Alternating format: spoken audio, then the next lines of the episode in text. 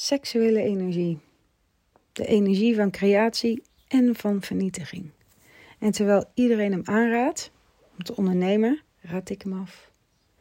Seksuele energie. Laten we het eerst even over de creatiekant hebben, want daarom raadt iedereen hem aan. Heeft een enorme kracht in zich. Vaak wordt hij vergeleken met levensenergie. Ik vergelijk hem met overlevingsenergie omdat hij alles in zich heeft waardoor je kunt overleven. Levensenergie voelt echt anders dan overlevingsenergie of dan seksuele energie. Als we gaan kijken naar puur seksuele energie, is het een energie die creëert.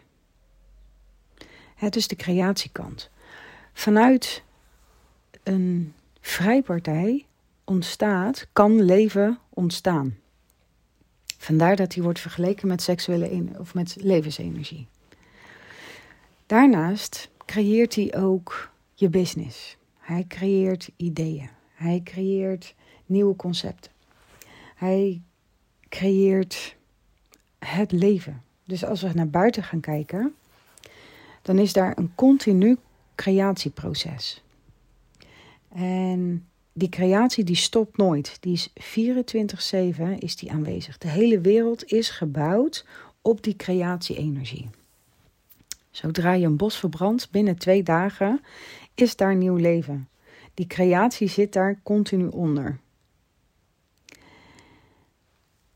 Dus het is, als je het zo hoort, is het een hele mooie, krachtige energie waar je steeds in wilt zitten. Want als je gaat kijken naar een business, de ideeën die stromen er doorheen, zeker als je inspiratie voelt. En de meeste mensen houden vast, willen hem ook niet loslaten. Waarom niet? Omdat hij zo ontzettend goed voelt. Hij voelt zo goed omdat je altijd on top of je game bent. En daar gaat het mis. Want als we hem niet reguleren, dan gaat hij vernietigen. En waarom vernietigt hij dan? Hij kan alles vernietigen wat jij in je hebt. Want als je kijkt naar een vuur, dus als die seksuele energie in creatiestand staat en hij staat op vol gas, dan voelt het als een innerlijk keihard vuur, wat maar doorgaat en doorgaat. En dat innerlijke vuur kan dus ook alles verbranden. Bijvoorbeeld je gezondheid. Dus er zijn heel veel mensen die wanneer ze vakantie hebben in elkaar storten.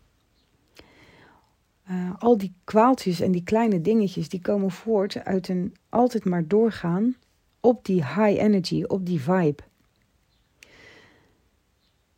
Seksuele energie kent verschillende fases. Dus hij bouwt op. Als je puur kijkt naar, als we het dan even heel seksueel trekken, naar een orgasme. Een orgasme is het, de, de, het laatste punt waarin die uitbarst. Maar we kunnen dat ook doortrekken naar bijvoorbeeld eten. Hè, uh, mensen noemen dat uh, foodporn. Pornfood, foodporn, zoiets. Hè, dus dat, dat het allemaal zo lekker is. Zo lekker. Maar hoeveel mensen overeten wel niet? Hoeveel mensen zijn wel niet bezig met, het, met te veel tot zich nemen voor wat ze aankunnen? Hoeveel mensen gaan wel niet dooreten en het dooreten van ongezond voedsel. Het ongezonde voedsel maakt ons ook ziek. Dus taart en alcohol, uh, wat ook geen voedsel is. Maar snoepjes, um, toch nog even een bordje bijscheppen. En ik weet het, hè, het is de allermoeilijkste energie om te reguleren. De allermoeilijkste. Omdat hij zo ontzettend goed voelt. Hij voelt zo ontzettend goed daarom is het logisch dat je daar, um, dat je daar meer van wilt. Want als we het fysiek gaan bekijken, hè, dus ik ga uit van de ziel, van de energie en niet van, van het fysiek. Maar als we gaan kijken naar het fysiek, er wordt dopamine aangemaakt, er wordt cortisol en adrenaline aangemaakt. Allemaal stresshormonen en, en beloningssystemen die aangaan. Dus het is logisch dat eten uh, een, een, een ja, een manier is om je goed te voelen. Omdat wanneer je suiker eet, worden er allerlei stofjes aangemaakt, ook cortisol en adrenaline, waardoor je je goed voelt, waardoor je meer energie hebt. En als we gaan kijken naar uh, bijvoorbeeld alcohol, is ook een manier om je goed te voelen. Maar het vernietigt wel. Als je gaat kijken naar drugs, is het ook een manier om je goed te voelen. Maar het vernietigt wel. Dat is hetzelfde als met plantmedicijnen. Waar iedereen nu vol lof over is. Over ayahuasca en kambo. En, en er zijn mensen die heel veel sessies hebben gedaan. Heel veel van trauma's zijn afgekomen. Er zijn er ook heel veel die op de GGZ terechtkomen. En die EMDR nodig hebben. Die medicatie nodig hebben om psychoses te reguleren. En het klinkt misschien allemaal spannend. Maar er is allemaal een reden voor. Er is een reden voor omdat als je kijkt naar de natuur, is er altijd een natuurlijk proces. En, wij in het Westen zijn gewend om in ons hoofd te leven, om in controle te zitten. Maar als je gaat kijken naar de native people die al die plantmedicijnen gebruiken om tot diepe inzichten te komen, die leven en in een community, structureel, leven midden in de natuur, zijn veel meer verbonden met de natuurwetten dan mensen in het Westen. Hebben bijna geen afleiding, of ja, geen afleiding van, van stadse dingen of van, hè, van de dingen die in het Westen zijn. Dus ongezond voedsel, de 100 miljoen prikkels op een dag. Ehm, dat is een hele andere setting. Daarnaast zijn er medicijnmannen en vrouwen om hun heen. Die op een uh, die, die zo diep verbonden zijn met de energie, die zowel de donkere kant van de energie en de lichte kant kennen, waardoor er altijd een veilige bedding is. En ja, uh, ook daar gaat het wel eens fout. Dat zie je niet uh, als je het op een natuurlijk tempo opbouwt. Of nee, dat kan ik niet per se zeggen. Maar dat heb ik eigenlijk nog niet gehoord. Dat wanneer je het gewoon in jouw tempo doet, zonder stimulerende middelen, dat het dan fout gaat. Dus de vernietigende kant, die kent ook een opbouw. Als we gaan kijken heel puur sec, dan heb je oorlog en je hebt vrede. En dat is beide komt voort, of nou eigenlijk die oorlog komt voort uit de seksuele energie. Vrede komt voort uit de regulering van die energie. Dus het zijn twee kanten aan de, van dezelfde medaille.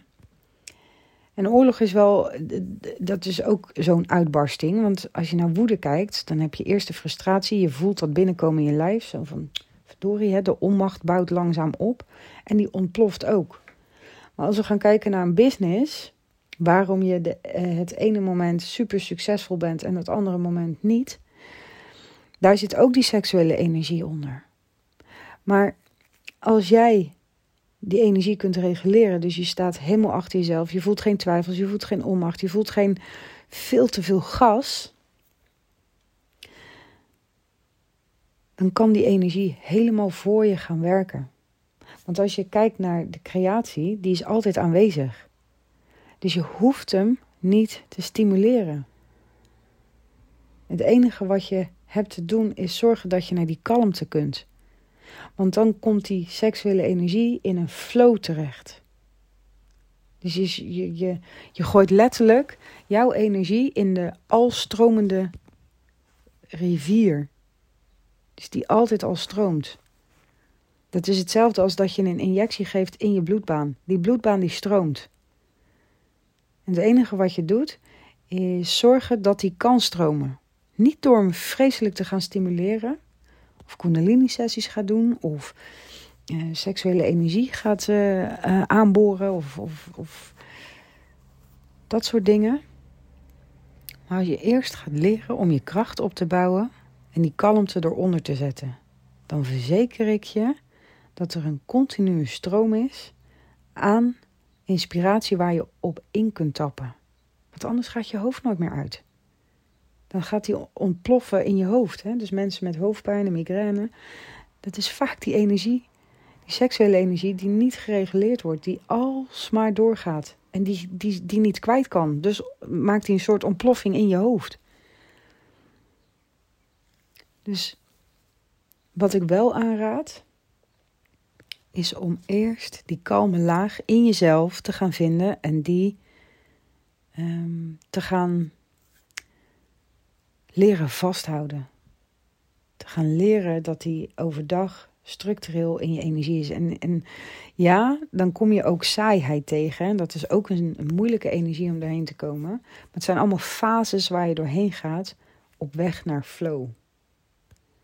Die flow is een, is een combinatie tussen gronding en tussen die seksuele energie. dus de overleving en de levensenergie. Nou, dankjewel voor het luisteren. Als je het uh, inspirerend vond, deel hem. Deel hem op je socials, deel hem in uh, uh, privé.